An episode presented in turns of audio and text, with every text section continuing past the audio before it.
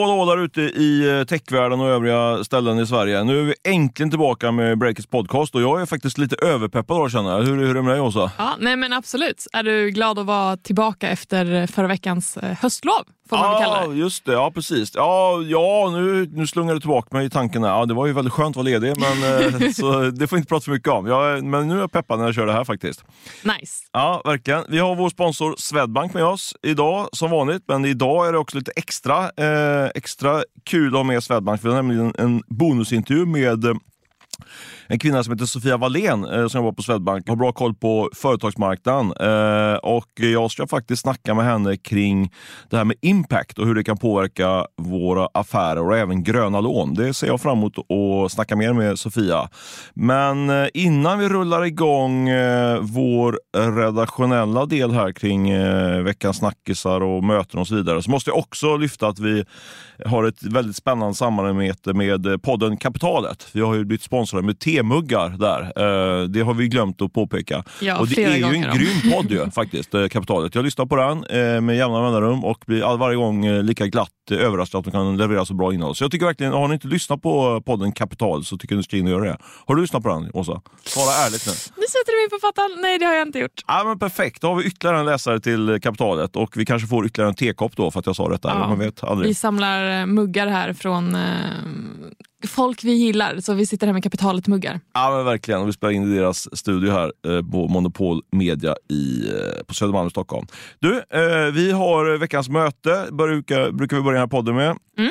Och eh, jag vill gärna börja med mötet, för jag är så peppad här. Ja, alltså, du har ju stampat in här och var så här, nu, nu blir det någonting här. Jaha, vad är det då? Nej, det, det får du se, så jag har ingen aning. Jag Så. lägger alltid förräntningen alldeles för högt för, för alla, alla inblandade parter. Men, nej, men så här, jag, tycker, jag är ju en, i grunden en ganska nyhetsdriven person. Jag älskar när det händer nya saker och eh, gillar att få in det elementet i podden också, eh, den här nyhetspulsen.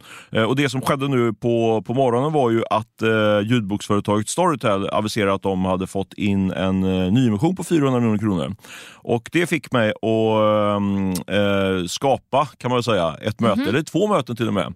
Eh, jag kommer inte gå in på exakt, eftersom det är källskydd och så, så kan jag inte gå in på exakt hur jag haft de här mötena. Men de är, det är två personer som har bra insyn i Storytel kan man säga. Okej.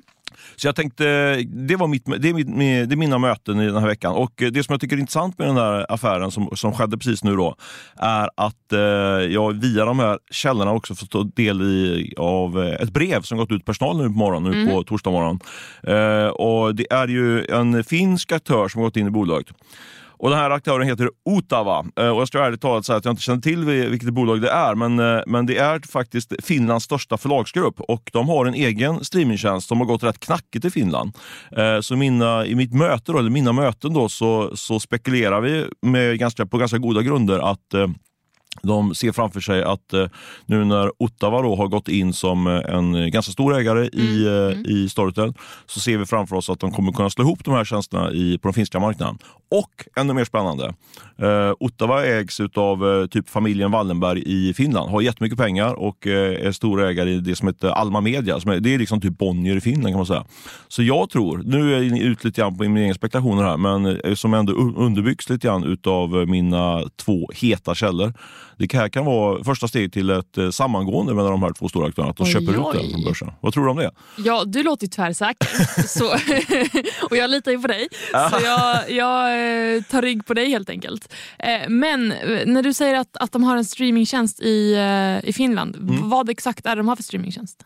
Ah, bokstreamning alltså. Det är De- bokstream, ja, så det är i princip, det är i princip samma tjänst. Samma som Storytel i Ja, Sverige kan okej. man säga. Och sen är grejen är så att det, det finns ju ett bolag som heter eh, Uh, Bookbeat heter de ju. De har Mm. tydligen 70% av eh, den finska streammarknaden. Så det finns liksom ett, ett, eh, en, en möjlighet där. Två eh, ganska små spelare. Storytel är ganska liten och, och den här Ottawas uh, streamingtjänst är också liten. Så det finns en bra, bra mix där helt enkelt. Sen ska jag säga att man brukar, jag, jag och även alla andra brukar alltid ha fel när det gäller utköp på börsen. Det är extremt svårt att spekulera i det. Men ändå kul tycker jag att det händer saker i Storytel. En liten sak till innan. Du älskar ju Draknästet, eller? Eller? Ja, Eller? det får jag väl Lite grann. göra. Ja. Rickard Båge eh, var, ju, satt ju, var ju en gammal drake, han gick in i Storytel. Eh, det är ju det är liksom den stora grejen kring Draknästet, att, eh, att det var en investering i Draknästet som var, som var mm, grunden kan man säga till Storytel. Eh, han har ju gått ur Storytel nu som ägare, men nu hörde jag på, på stan på vägen till eh, hit att han har nu gått in igen som ägare. Så draken är tillbaka i Storytel. Draken är tillbaka. Ja, men det blir spännande. Vilken himla morgon du har haft. Ja, jag vet. Det låter helt otroligt. Så det var mina möten. Eh, Starka möten. Och, och det här kommer innebära att jag får eh, revidera lite grann lite längre fram i podden, men vi får se. Ja, Det får vi göra. ja, Mm. möte då? eh, Du kör starkt. Ja, mitt möte är en person som du brukar prata om en hel del som är ingen mindre än Per-Jörgen Persson. Mm, PJ kallade de som känner honom, men jag vägrar säga PJ. Jag säger Per-Jörgen. Du har ju sagt PI om honom hur många gånger som helst Nej, i den här jag- jag- podden. Har det? Ja, Okej. det har du. Det var ett avsnitt som vi pratade om efter avsnittet hur många gånger vi hade sagt det. Men jag, sen har slutat att säga PJ, för jag tycker det, det känns mycket bättre Per-Jörgen. Känns mer stabilt. Ja, förlåt, jag avbryter Hur som helst, han är en av landets främsta techinvesterare får man väl ändå säga. Han är partner på eh, riskkapitalbolaget Northzone och eh, var tidig investerare i bland annat eh, Spotify och iSettle. Och han intervjuades i veckan i, eh, av Breakit i ett av våra nätverk. Och Där passade jag på att sitta som en eh, fluga på väggen och eh, spetsa mina öron. Eh, och Han pratade om en, en hel del intressanta grejer. Jag ska inte dra allt här, men eh, dels så är det en helt ny värld för både investerare och entreprenörer i det, eh, ja, i den skakiga världen vi befinner oss i nu. Och hur ska man agera då som, som investerare eller, eller affärsängel? Jo, då var det att ja, men man ska väl vara as passive as you can get away with tills eh, situationen klarar, är väl det korta svaret. Ehm, och han Han pra- sitter på hän- händerna och bara avvaktar. ja, precis. Det är intressant, för de har ju fått in en jättestor ny fond ju. Men de, Ja, eller de, de, de avvaktar lite grann. Så Ja. de, de har ju inte lagt locket på och liksom, nu, nu sitter vi och väntar ut stormen utan de är ju igång. Men processerna får ta lite längre tid. Och han pratade också om att, eh, eller den kanske absolut allra svåraste frågan när det kommer till riskkapital. Mm. När ska man släppa taget om bolag och varför? Och det här, kära lyssnare, kan ni läsa på Breakit i helgen. Åh, vilken teaser, det blev jag väldigt Mm. nyfiken på. Nej, men Per-Jörgen Persson är ju en riktig tungviktare och han, jag lyssnar alltid på när han snackar. Det är superintressant. Eh, Bra citat där. Mm, visst var det. Ja. Eh, men han pratade också om eh, att olika branscher har ju verkligen fått sina värderingar slaktade nu i det senaste. Och jag tänkte att Stefan, du ska få gissa. Mm. Vilka, vilka branscher som har blivit eh, slaktade i, i, när vi kommer till, till bolagsvärderingar. Eh, så jag säger en eh, bransch, så får du gissa ungefär hur, hur mycket har, har värderingarna slaktats i den branschen. Oj, i procent? Ja, i procent. Oj, hjälp. Okej, Ja. ja. bra. Eh, vi börjar med eh, SAS-bolag. Det var faktiskt de jag, tänkte, jag tänkte först fråga mig om eh, vilka bolag, då har jag tänkt nämna SAS-bolag. Nej men det skulle jag säga, de har gått ner med, nu ska jag försöka säga, ja, menar du onoterade eller noterade? Men vi ska inte vara så specifika. Nej, Men- inte så specifika. Minst 50 procent. Minst. Nej, du måste vara mer konkret. Okej, eh, 65 då. 60 procent. Ja, det var bra. bra. Ja. Det var bra. Eh, gaming. Gaming, eh, de följer oss dåligt. Men eh, blablabla, då säger jag, eh, du vill ha exakt, jag skulle sagt minst 50 procent här också. Men du Nej, vill men ha det är exakt. ju vilket chicken svar. Det måste ju vara lite Okej, konkretare. då hugger jag, här nu är jag ute på håll. Eh, 70 70 procent. Nej, också 60. 60. Ja. Vad skönt att han sa så exakta procentsatser. Var Mm, Visst. Ja. det tycker man om. Eh, E-handlare då? Uh, 75 procent. 80. Du är ändå bra på det här. Ja, tack. Tycker jag. Du har koll. Eh, healthcare. Eh, det är Kry och Company. Ja, det är ju det är 75 procent också. Mm, det, är, det är lite luring här. Så en del eh, bolag inom den här sektorn har verkligen fått känna på att värderingen minskar. Men inte... Alltså vi, så här. Ja, men, eh, nu, nu, låter, nu ska jag backa tillbaka. Jag tänkte Ja. så här, Kry tänkte, de har ju gått katastrof. Så, men det, Ja. jag håller med dig, det, vi- i vissa segment har ju klarat sig rätt bra. Liksom. Så Precis. det, ja. Så vissa har minskat runt 30 procent Mm. medan andra har blivit helt utraderade. Så att det där var lite tricky. Men jag Eh. svarar på Kry, så 75 procent. Så då hade rätt där kan man säga. Ja, vi säger att du har rätt. Eh, och om vi kollar på sustainability Usch, jag då? väldigt svettig när jag men det är kul. Sustainability, ja, alltså impactbolag och så. Ja, Ja, men där tror jag knappt det har gått ner någonting alls faktiskt. Jag gissar att det är ner eh, 20 procent. också en Ja, vad- vad trick svaret då? question. Här är svaret att eh, det är betydligt mindre än de vi pratade om innan. Ja, då hade jag rätt där också Eh, nästan. 20 procent minus, sa jag. Ah, alltså jag fick inte en siffra här, så det men här då är omöjligt du- att svara då på. får, då får du mig nu här nu. Så det är runt 20 procent. Eh. Det är hett med impactbolag. Så det är fortfarande, Så ja. här precis som inom healthcare så, så har det gått alltså, ja, lite olika. Men Ah, okej. här har i alla fall vissa till och med en, en högre värdering nu Mm. än tidigare. Så att eh, vi kan väl konstatera att eh, vinnarna här det är eh, sustainability-bolagen som jobbar med impact. Mm. Eh, tycker jag att vi gör. Det är väldigt bra för oss det. Att folk som jobbar med klimatet. Det känns som en väldigt bra fråga Ja, nej men att fokusera absolut. på. Sa något annat intressant då på Jörgen? Och det gjorde han, massor. Eh, dels så kom vi in på eh, Spotify och eh, serien The Playlist. Såklart. Ja. Ja, och eh, här höll han ju inte tillbaka alls. Han kallade det för karaktärsmord på Daniel Ek och eh, Martin Lorentzon.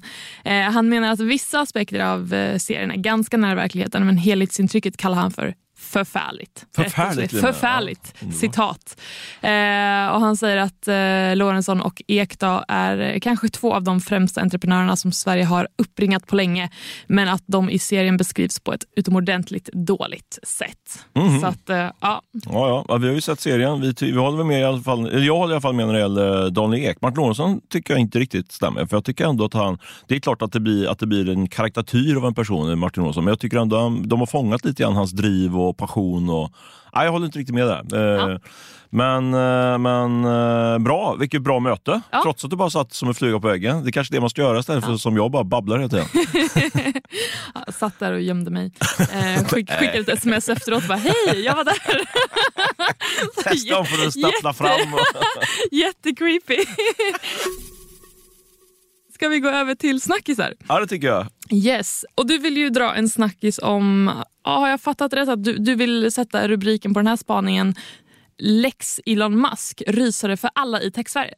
Dålig rubrik, du kunde inte ens läsa den. Du måste Nej. sätta mig klass. Jag måste, Jag måste alltså, det var läsa ingen kritik här. mot dig. Var, Nej, jag fattar. Lex Elon Musk, rysare för alla i tech-Sverige. Ja, nu gick det lite Nu gick det bättre. Men vad, vad, vad menar du? Ja, vad menar jag med en sån kackig rubriksättning? Nej, men, alltså, jag tänkte faktiskt så här att innan jag går in på exakt vad jag menar så skulle jag vilja backa bandet lite.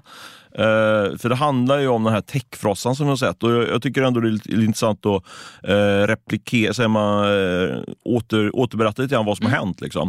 Eh, Vi har ju snackat mycket om det i podden, men eh, det som har hänt och det som ligger bakom det vi ser just nu när det är liksom eh, uppsägningar per tio minut, det är ju Först pandemin som pumpar upp de här, de här techbolagen till ofantligt höga nivåer. Eh, och sen så eh, har- levde vi i den här nollräntemiljön där alla gick mot riskbolag. Eh, sen då, eh, så det var liksom den shitten som fanns liksom som kokade och sen kom Ukraina-kriget och det var liksom den utlösande faktorn. Energipriserna tog fart, eh, inflationen generellt tog fart. Och eh, Det innebär att man har fått höja räntan dramatiskt.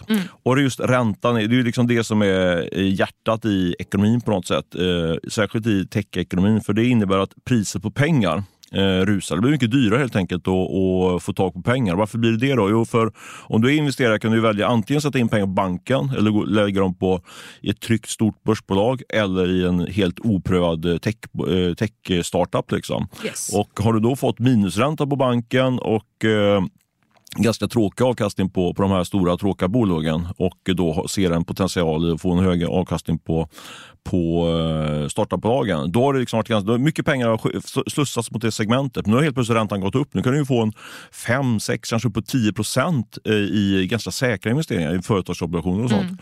Eh, Så det gör ju att pengarna, i princip, inte helt och hållet, men till, mycket av pengarna har försvunnit då från techsegmentet.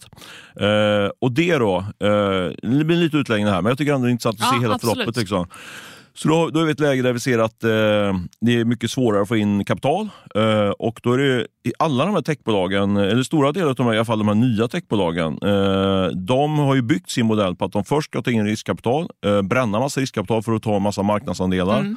Och sen ska de ta in nytt riskkapital igen, kanske om eh, 12 månader. Nu upptäcker de helt plötsligt, oj om 12 månader kommer det inte finnas några pengar till mig. Eller kommer det, finns, det, finns det några pengar, då måste Ja. man dra ner värderingen jättemycket. Ja. Eh, och vad sker då? Då, då, tänker, då börjar man titta på det som vi pratade tidigare i podden om run rate. Att, hur länge kan mina pengar räcka? Då vill Mm. man att pengar ska räcka längre. Vilket gör att man börjar spara. Och vad sparar man framförallt på? Jo, på personal och kanske marknadsföring, men framförallt personal. Och det är det som är det är det vi ser nu. Pedagogiskt. Ja, tycker du? Ja, mycket bra förklarat. Bra. Usch, jag är som eh, än en gång svettig här efter Ja, den här nej, men utfrågningen. well done. Nu har alla våra poddlyssnare stenkoll. Fast det hade de ju redan. Men okej. Så helt eh, meningslöst att säga. Jag ska vara med i radio i eftermiddag så jag känner mig äh, Ska du? arbetar upp lite grann inför det. Så att vad ska du vara med i? Eh, Studio 1, Studiet och prata om? om techkrisen. Men ni poddlyssnare får lyssna på det först. Och det är mycket mer initierat här. Wow. Ja, men då ska vi lyssna på dig i Studiet i eftermiddag. Ja, torsdag klockan 16, 16.30 någonstans där. Ja, då har alla hört det också. Ett litet sidospår. Lite stryk, Eh. strykryt. Ja. Men i alla fall, så det vi ser nu i princip ja, varje dag. Om man tittar på Kry kommer ju förra veckan. Eh, Detect Detectify och Spotify den här veckan med, eh, med varsel. Då, för att inte tala om Meta som ja, igår var det. De, de kommer att säga att eh, nej, vi säger upp 11 000 eh, Personer, i styrkan. Ja. precis. Och Motsvarande 13 procent tror jag. Mm. Men du, Elon Musk då? Hur kommer han in i det här? ja, hur får jag in honom i rubriken här? Nej, men alltså, det här är ju som en fond, liksom, det här med, med alla de här uppsägningarna. Och, eh, eh, om man ska vara picky då, Spotify var ingen varsel, men vi, vi kunde avslöja att de har börjat säga upp folk där. Ja. Men eh, Jo, Elon Musk då. Vi har, vi, det, han har ju aviserat att han ska säga upp halva personalstyrkan på Twitter. Det är helt brutalt ju. Ja. Och det som, är, det som, gör, som jag skulle bli orolig för om jag sitter på techbolag, det är liksom om det här kommer funka. Alltså för, det, vi har ju sett under flera år hur eh, många av de här techbolagen bara anställt, anställt, anställt, anställt folk. Och eh, det är självklart att det blir en del, ut, för, ursäkta uttrycket, men en del slagg i organisationen. Att det blir för mycket folk på organisationen. Det, det tror jag alla som har jobbat på stora organisationer vet ju att eh, alla är liksom inte 100% högpresterande. Det finns ju folk som, som, eh, som inte levererar 100%. Liksom. Nu, jag vet att det låter lite hårt och cyniskt, men det, det, så, så, det kan man konstatera. Okej, men fråga Ja. När du säger slagg, då Mm. menar du alltså kanske anställda som, som Behöv, alltså behövs de? Eller Nej, vad men menar det, kan vara, det, kan ju vara, det kan vara jätteduktiga anställda, men de Ja. jobbar med kanske projekt som inte, är- som inte är eh, bärkraftiga. Liksom. Jag vet till exempel eh, Daniel Ek han skröt i, i, första, i kvartalsrapporten i första kvartalet i år att de hade 2000 olika experiment, affärsutvecklingspro... Mm, Jag menar herregud, många av dem blir ju ingenting. Alltså Spotify det är ju liksom en, en eh, app man lyssnar på musik på fortfarande. Mm, Liksom. Eh, så ja, min poäng är så här att om Elon Musk lyckas med det här tricket, att man helt plötsligt bara skär bort hälften av personalstyrkan Mm. och ändå så, så tuggar intäkterna på hyggligt. Liksom. Det kommer ju sätta griller i huvudet på många investerare och storägare i techbolag. Mm. Jaha, vad, varför ha, behöver vi verkligen alla de här anställda? Och jag tycker faktiskt Spotify är ett ganska bra exempel på, på ett bolag som man skulle kunna börja fundera på. Eh, de har ju, eh, visst, de, vi, vi har avslöjat att de sa upp ett par stycken nu här då, ett gäng nu i, i veckan, men, men de, i princip så har de ju bara anställt, anställt, anställt. Och eh, Personalstyrkan har ju då ökat med 50 procent eh, de sista två åren tror jag. Eh, det är liksom, Ja, det är mycket. det är jättemycket eh, och de har nästan 7000 anställda. Ja, ja. Och vad händer då? Liksom, skulle någon märka någonting om man drog ner 25 procent på personalstyrkan i Spotify? Jag bara kastar ur frågan. Mm. Liksom.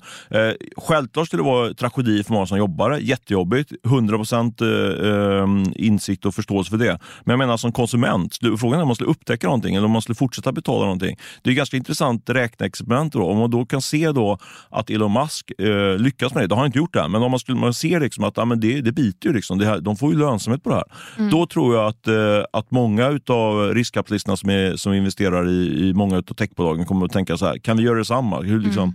Så det är det jag försöker eh, täcka upp min rubrik Lex Elon Musk, rysare för alla i tech-Sverige. Och det innebär ju om Lex Elon Musk funkar då, vi får ju se. ja, precis. Ja, Vad säger du? Fattar du mitt eh, argument? ja, absolut. Men så här, Elon Musk nu säger upp massa folk på Twitter. Frågan är ju egentligen så här, okej, vad, vad kommer hända med Twitter? Kommer produkten vara som den har varit? Kommer det liksom utvecklas åt ett eller annat håll? Vi, alltså, vi har ju ingen aning. Och där får man ju nästan vänta med att se över tid vad är det som händer och om användaren märker av någonting. Mm. Till då, skulle användaren nej men det här har blivit sämre, nej men då, då är det ju inte bra. Liksom.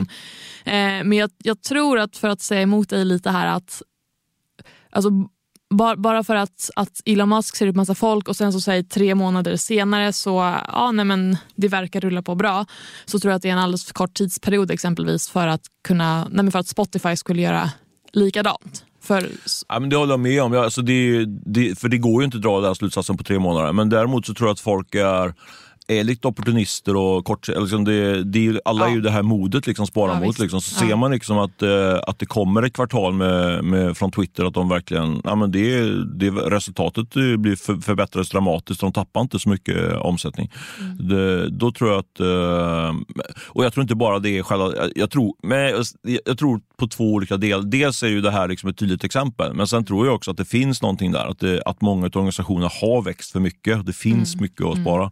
Och jag tror att många lite grann i, i det tysta gillar det här att man nu kan skylla på lågkonjunkturen för att dra ner en del. Ja. Sen, för jag menar, både Klarna drog ner var det 10-15 procent nu och, sen så, och då sägs att de, att de fortsätter att skära ner ytterligare. Tror jag. Så, det fin, eh, så det finns en hel del att ta av ändå, om man ska vara krass. Så tänker jag. Men alltså det beror på också just, just det här med Twitter och Elon Musk. För Mm. att alltså, man vet ju inte riktigt vad han har för agenda med det här heller. Nej. För att allting, alltså allt som rapporteras kring det här det är ju ett spektakel, rent ut sagt. Och liksom, är hans agenda att nej, men, nu ska jag driva ett riktigt starkt lönsamt bolag här eller, han, eller har han nå- någonting helt annat i tanken så skulle det ju kunna vara. Och det får vi ju se. Liksom. Ja, vi får, vi får höra, kolla, hålla koll på det. Och sen, så, och sen bara sista grejen innan vi går vidare på din snackse, så, så, så, bara för att folket ska fatta att jag inte är helt dum i huvudet. Så, så det finns ju en grej till då kring Twitter och det är att, liksom att Elon Musk köpte, har ju köpt in det där bolaget på typ eh, 50% för dyr kurs. Liksom. Så Ja. han är ju rätt desperat Ja. för att få tillbaka pengar. Jag fattar ju det också. Det finns mycket andra, andra drivkrafter. Och även när vi pratar om Meta, så det finns ju, ja, Meta utmanas ut av TikTok och de, det, hela det här Meta-projektet är ju ett haveri. Så Det finns ganska mycket bolagsspecifika saker i allting det här. Men eh, den övergripande bilden är ju liksom att pengar blir mycket dyrare och vi går in i en lågkonjunktur. Så det, det är det som ligger ba- Det är ändå den stora övergripande bilden på varför det är så mycket det är så tjurigt i techsektorn just nu. Nu ska jag inte babbla mer Rosa. Vi är in på dina kanske mycket mer spännande snackis. Eh, det ska ju handla om den här härvan, apropå härvan, om Ja. Margot Ditz. Jag har äntligen lärt mig uttala Margot Ditz. Det tog några år innan jag lärde mig hur man uttalar det namnet. Men hon heter Margot Ditz, influencer. Och eh, hon har varit inblandad i eh, en viss turbulens, får man säga. Eh, flera bolag har faktiskt avslutat sina samarbeten efter att hon har delat någonting på var det Instagram eller något liknande. Ja, exakt. Så en snabb liten recap här. Då. Så Margot Ditz hamnade i blåsväder för några dagar sedan. Hon publicerade vad många har påpekat varit en kontroversiell video i sina kanaler.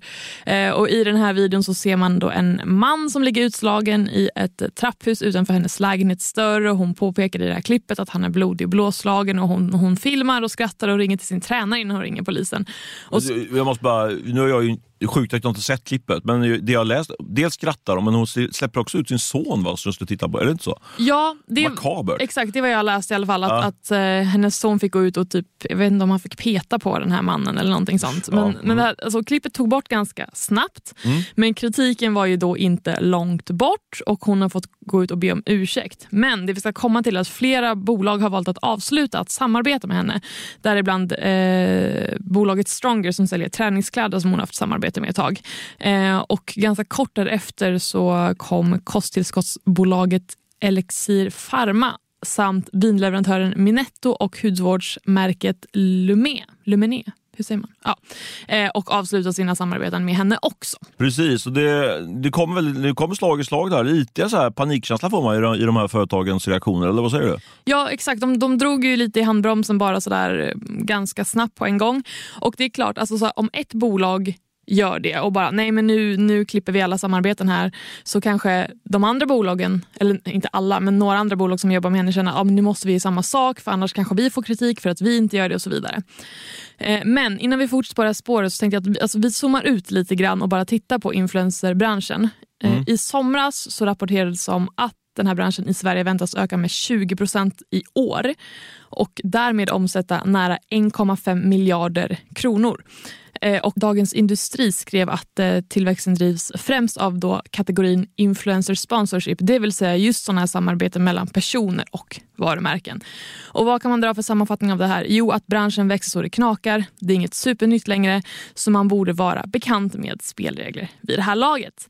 Eh, och vad är då det här för spelregler som vi kan prata om? Jo, influencers är ju människor och de gör snedsteg.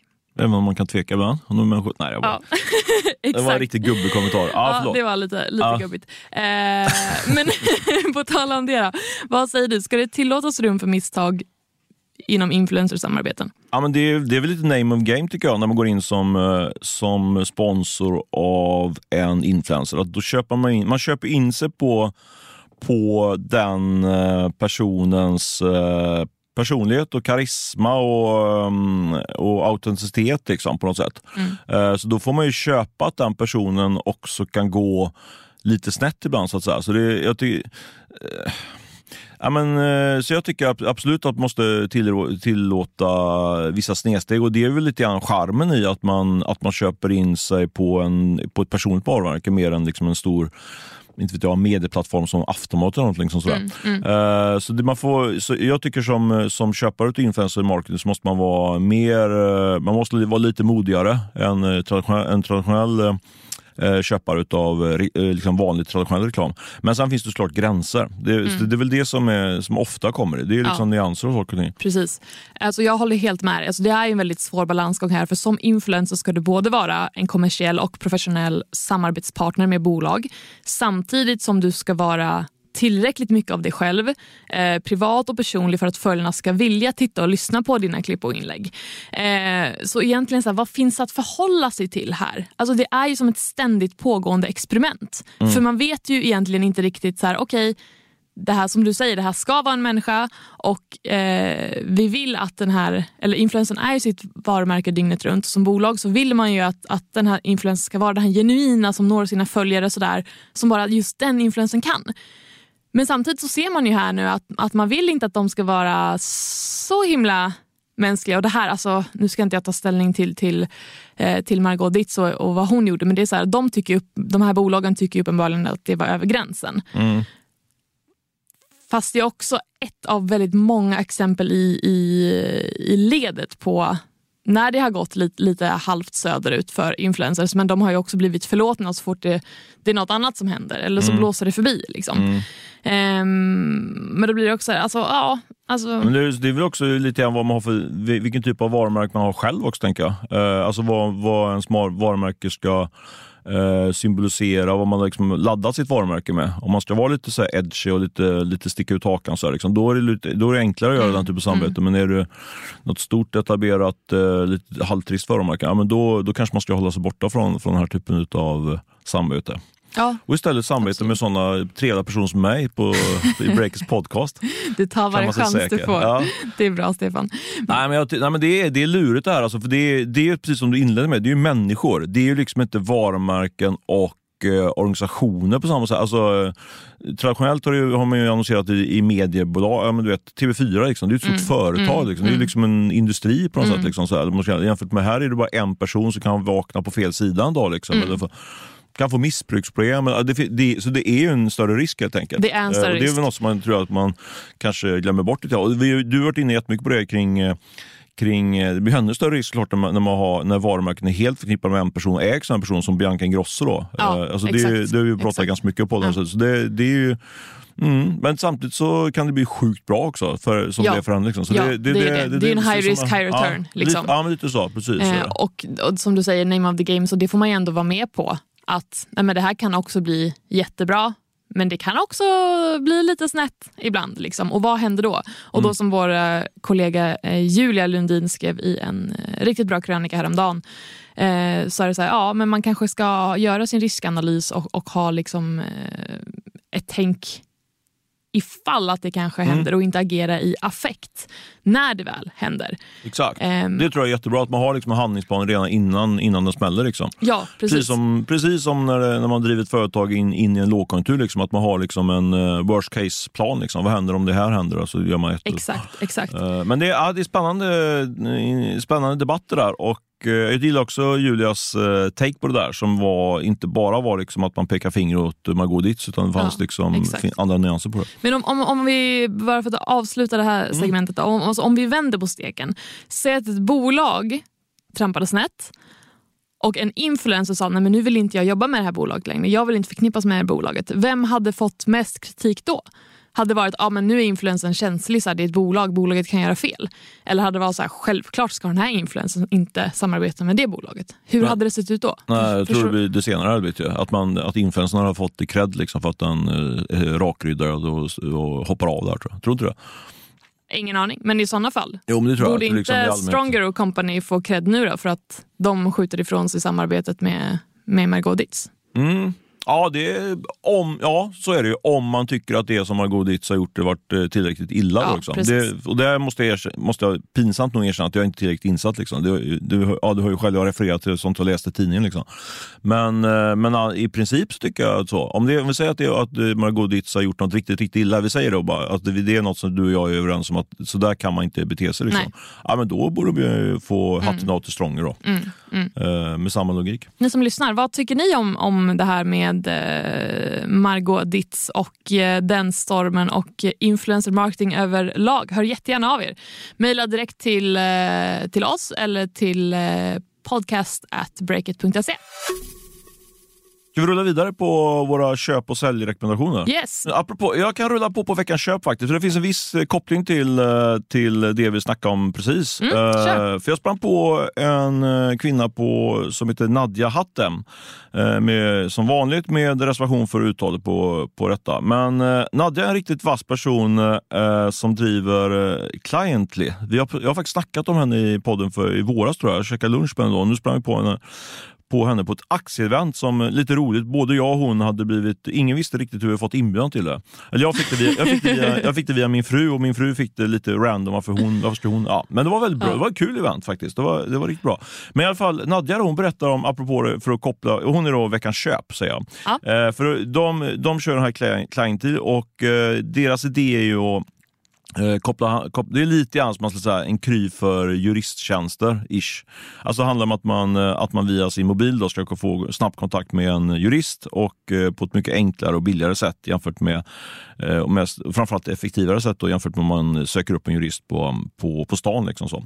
Eh, och de har fått bra fart på, på verksamheten och är nu ute och försöker nytt kapital. Och jag gick ifrån min, min princip faktiskt och jag försöker, försöker inte liksom introducera folk till olika investerare för jag vet att ja, utifrån min journalistroll. Liksom sådär. Men jag tycker ändå fasen, det där är en bra idé. Hon, har, hon är riktigt vass och jag tycker att hon, hon, har, hon, är, hon är riktigt bra på spåret där. Så, så jag sa till henne att jag skulle göra någon intro. Nu gör jag intro på podden. Är det någon som är sugen på att investera i Nadja Hattems bolag Cliently så finns möjligheten nu. Vilken Rikt- nätverkare du är. Ja, jag vet. Men poängen här, eh, bra fart på hennes verksamhet, men man bara kort bara koppla till det, det vi snackade om eh, med influencers. Ja. Kul, hon berättade att hon har eh, blivit, eh, gått in på TikTok och börjat eh, jobba med TikTok bara de sista veckorna. Och det hon har blivit en riktig succé på TikTok. Hon, gör, hon gör, eh, ger juridiska råd på arabiska på TikTok och fått värsta farten på det där. Oj! Så hon hade haft, eh, på vissa, Spännande. vissa av hennes inlägg hade hon haft inlägg, eh, uppåt, jag tror uppåt 100 000 visningar på, på ett inlägg. Det var 60 000, jag kommer inte ihåg exakt. Ja. Och Det som är intressant också att det genererar eh, i konkreta leads, då, alltså affärer in på. Alltså. Så hon var ju, det var jättespännande att snacka med henne och hon ska hjälpa mig och eh, bli eh, en eh, TikTok-influencer. Wow, det ser jag fram emot. Det var det bästa i det här Ja, köpet. men, säger jag. verkligen. men så det är veckans köp med. Ja, starkt köp. Eh, mitt köp är en person som heter eh, Hanna Widell. Ja, henne vet vi. Henne vet vi vem det är. Eh, också lite backstory där. Att, eh, förra sommaren så fick ju poddbolaget Perfect Day eh, Media eh, nya ägare när Abba Björn Ulvaeus och eh, EQT-grundaren Conny eh, Jonsson eh, köpte eh, det här bolaget. Visst stämmer det? Det stämmer 100 Det stämmer 100 procent. Eh, och så I somras så blev det mer förändring. Då lämnade vdn Carolina Roslund. Eh, och eh, Hanna Widell då, som är grundare och eh, varit eh, kreativ chef har tagit över under tiden i jakt på ny vd. Men nu är det klart att hon blir ny vd. Därav eh, köp på Mm. Hanna Widell. Ja, men superspännande att följa det. De har ju fått så himla bra fart på Perfect Day Media. De var ju nere lite grann för räkning ett tag. Men eh, ja, superspännande att följa Hanna. Hon är en riktigt duktig både kreatör och entreprenör. Du, Yes. eh, nu ska jag ju säga veckans sälj, men eftersom jag var så exalterad här och gjorde om mitt möte här i sista stund så, så eh, ja, det här är inte veckans sälj. Det här är typ en veckans, eh, veckans eh, intressanta grej kan vi säga. Veckans intressant. Allt är intressant grej som vi snackar om här. Ja, jag vet. jag vet. Ja, men jag har ingen riktigt bra förklaring, men jag tänker allt för lyssnarna. Jag tänkte det var bättre att få innehåll där från början med Storytel. Så, men Ja, men det, jag tänkte köra veckans möte tidigare egentligen på en kille som heter Ted Persson. Han är partner på Equity Ventures, Mm. riskkapitalbolaget. Och eh, de är ju aktuella med tanke på att de eh, stängde en ny stor fond där i veckan på 11 miljarder kronor. Så då gjorde jag en intervju med Ted Persson. Det som jag tyckte var väldigt intressant så att ta med mig från det mötet, förutom att de fått massa pengar att investera, det var att han menar att han har hittat eh, nästa stora grej. Då blir man ju nyfiken på vad det är. Ja, vad är nästa stora grej? Ja, men tidigare, han, menar, han ett resonemang om att i 20-30 år så har det de här venturefonderna investerat i eh, bolag som har eh, sin affärsidé eller modell baserade på internet. Men nu är det liksom att eh, det är fortfarande så att de investerar i många bolag som har internet som modell. Liksom. Men han pekar på att det finns massa nya olika spännande plattformar som de eh, går utanför internet helt enkelt. Eh, så han pratar om något som heter post-internet. Eh, och eh, Eh, det tyckte jag var jätteintressant och då frågade jag såklart vad kan det vara då? Då pratade han om så här, så här, syntetisk biologi, det var det som låg bakom eh, coronavaccinet. Eh, Elektrifiering, energiöverföring, webb 3 och framförallt det som man lyfte på, på det vi pratade om tidigare, tror jag, eller som Per-Jörgen Persson pratade om, eh, impact och klimatbolag. Det är riktigt hett. Liksom. Eh, vilket jag tycker är väldigt positivt, eh, som jag var inne på tidigare. Så det är nästa stora grej. Oj, jag fick en, en kråka i halsen, säger man så? Det kan man göra. Men du, alltså sorry, jag fattar inte. Vad är nästa stora Åh, grej? jag tänkte nästan I en, säga mening, det. I en mening, vad är nästa stora Ja, men grej? det är liksom att... eh, Hur sätter jag en rubrik på det här? Ja, men det är ju, det är ju helt enkelt att man, eh, att man inte använder sig av internet utan att man hittar... Man, de, man, jaha, det var jobbig, jobbig frågor och så. Nästa stora grej. Ja, men det är syntetisk biologi, det är elektrifiering, det är energiöverföring i olika former och webb 3 som man snackar om. Eh, jag känner att det var jätteskakigt, men eh, jag har ju skrivit artiklar om det så det får utveckla det. Det är ofta så med de här nya stora grejerna, nya heta grejerna. Man, det är lite svårt för i alla fall sådana enkla människor från Ljungskile som jag är så jag, och riktigt fattar det. Men det är nya spännande saker på gång i alla fall. Och eh, man får försöka förstå lite mer när man läser min artikel på Breakit. Nu går vi vidare. Ja, vi går vidare. Men eh, bra grejer. Jag ska helt Nej, enkelt det var inte bra. Ja, men jag tycker att det var bra. ja. Nej, alltså, men så här, alltså, det är så himla... Gud, nu ska man inte vara sån. Men ofta som journalist man ska skriva om någonting, som man alltid gör, så är det så här, okej, många gånger är det någonting som man inte har någon aning om och helt Nej. plötsligt ska man bara skriva en bra, utförlig pedagogisk text om det här. Och man bara absolut, jag fixar det här. Och man kastar sig på Google och bara ringer någon som bara kan du förklara vad det är som händer? Anyway. Ja, jag håller med dig. Det enda är att jag Eh. hatar, alltså jag vill ju alltid vara, man vill, jag, det är en av mina fördelar tror jag faktiskt, att jag ställer väldigt många dumma frågor och för, kan förklara saker och ting. Men jag kan, det här känns som att jag misslyckas lite grann med. Så det, ja, bättring på mig. Men kör nu. Ja, Veckans sälj. Eh, veckans sälj är en trio som heter eh, Per Altini, Jan Kowalski och eh, Mikael Kågström. Mm, du catch up nu. Jag hade ju bara knappt en sälj, men du har du tre sälj på en gång. Ja, ja. det Bra. blir trippelsälj. Eh, de har ett, ett projekt som kallas för eh, Ignite. Det ska bli en träningshubb av det här.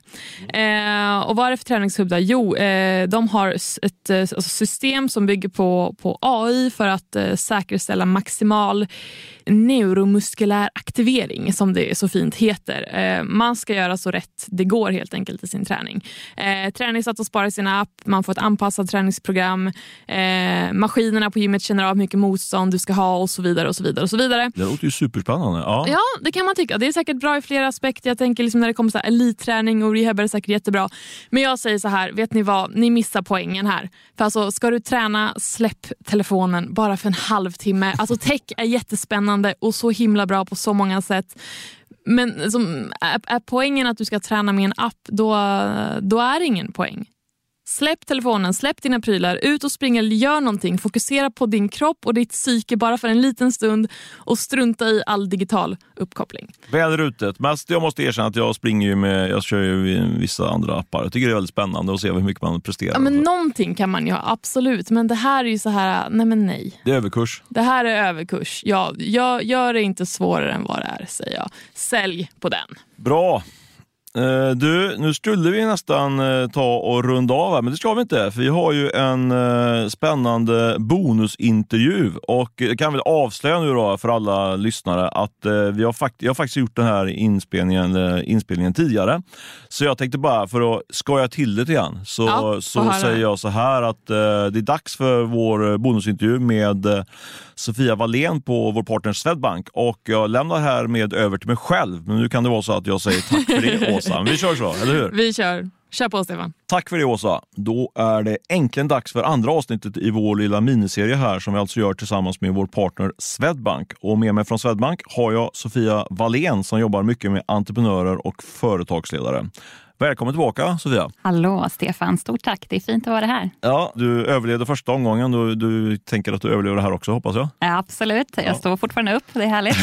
Lite ledande fråga där kanske. Men du, eh, idag ska vi då lägga fokus på någonting som ligger mig faktiskt varmt om hjärtat. Det här med impact och impactfrågor. Och eh, det är ju verkligen eh, någonting som jag, som jag hoppas att alla ska brinna för eh, dag in och dag ut. Men eh, jag måste ändå fråga, kanske lite cyniskt då, men nu när vi är på väg in i tuffare tider, ska man liksom som entreprenör fortfarande då lägga lika mycket fokus på klimatarbetet? Det, det finns ju så mycket annat då som, som tar upp sin tid. Vad säger du? Vad är din take på det? Eh, det korta svaret är självklart. Eh, vi alla har ett ansvar att faktiskt kunna driva den hållbara omställningen som är helt nödvändig för hela klimatet, jorden och oss människor. Eh, så vi ska absolut inte stoppa den, ehm, den kraften som vi har startat igång här. Och absolut, det är klart att i de här situationerna vi har, det är tuffa tider, det är högre kostnader.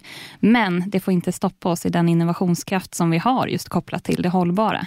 Eh, och jag skulle snarare kunna vinkla det till att se, finns det nya möjligheter möjligheter vi kan hoppa på här för att faktiskt driva omställningen än snabbare i och med att vi faktiskt står i de här tiderna där vi behöver tänka om. För det är ju det man vill höra, att, att det finns en, istället för att man ska se det som en ökad kostnad, att det finns en uppsida liksom för, för dig, som, för mig eller alltså för andra som entreprenörer. Men just i det sammanhanget tycker jag det skulle vara intressant om du har liksom konkreta exempel då på företag som trots att man går in i kanske lågkonjunktur eh, har lyckats ställa om eh, till eh, och där, där liksom hållbarhetsfokuset eh, faktiskt varit nyckeln då till framgång. Finns det några sådana exempel? Eh, ja, alltså det vi kan se är att vi har haft tuffa år även bakom oss. Eh, de senaste tre åren med pandemi och oroligheter i Europa. Och vi har sett att det är många små och medelstora bolag som faktiskt har varit snabbfotade och har kunnat ställt om. Till exempel bolag som har tillverkat eh, luftfilter tillverkat munskydd och liknande. Och vi har också sett eh, exempel på lite större bolag som också har ställt om mera kring att driva frågor kring hållbar mat. Det finns möjligheter och eh, när vi pratar inne på impact och det kan ju, den typen av omställning kan ju kräva olika typer av finansiering. Eh, och då är jag väldigt spänd, nyfiken på det här med gröna lån som ni erbjuder. Kan du förklara liksom hur den funkar, den typen av lån och vem kan få det? Absolut, och vi pratar om, eller i flera fall här om just gröna lån. Mm. Men det finns mer mer än just E i ESG, utan vi har ju även hållbara lån. Eh, och det är viktigt att vi kan som bank också vara med att säkerställa att vi driver en hållbar omställning framåt och vara med och finansiera eh, de former av investeringar som företagen då eh, gör för att faktiskt ställa om deras verksamhet mot än mer hållbarhet. Men de här lånen då, de är ju egentligen precis som vanliga banklån. Bara det att vi som bank också ställer lite högre krav på dig som företagare. Att pengarna som ni får från banken faktiskt går till en hållbar omställning. Och det kan ju vara för förbättrat klimat eller förbättrad arbetsmiljö eller liknande. Så det, det finns olika villkor kopplat till det. Men då, som företagare, du måste kunna mäta och du måste kunna följa upp så att vi faktiskt vet att pengarna går till hållbarhet. Men kan man också säga att det liksom öppnas upp andra potter av pengar då, om, man då, om man då kommer till er och säger att nu ska vi göra den här typen av eh, omställningsarbete och behöver finansiering. Öppnar det möjligt andra ja, finansieringsfonder där, liksom, i form av de här grönlånen? Ja, det kan vi se det som. Det finns andra former av finansieringsfonder, eller former ska jag säga det som. Eh, det är gröna lån, det är hållbarhetslänkade lån och så vidare. Och det kan faktiskt vara en hel del förmånliga villkor kopplat till det också. Eh, vissa ränterabatter och liknande. Så det mm. öppnar en hel del andra dörrar. Så dels ska man få eventuellt då lite, med, lite bättre förmånliga lån och sen så då kanske huvud, huvudpoängen i det här samtalet som vi har nu, liksom att det är något som kan stärka affären. Alltså om man jobbar den här typen av hållbarhetsarbete. Precis, det stämmer. Bra. Du, eh, stort tack för detta Sofia. Och vi ska då säga hej då för den här gången. Men du Sofia kommer ju snart tillbaka, eller hur? Jajamän, det gör jag. Ja, vad trygg jag känner det. Vi har nämligen ett avsnitt kvar i den här serien som kommer lite senare här i höst. Så håll öron öppna inför det. Ha det bra Sofia, så hörs vi då. Ha det gott, vi hörs.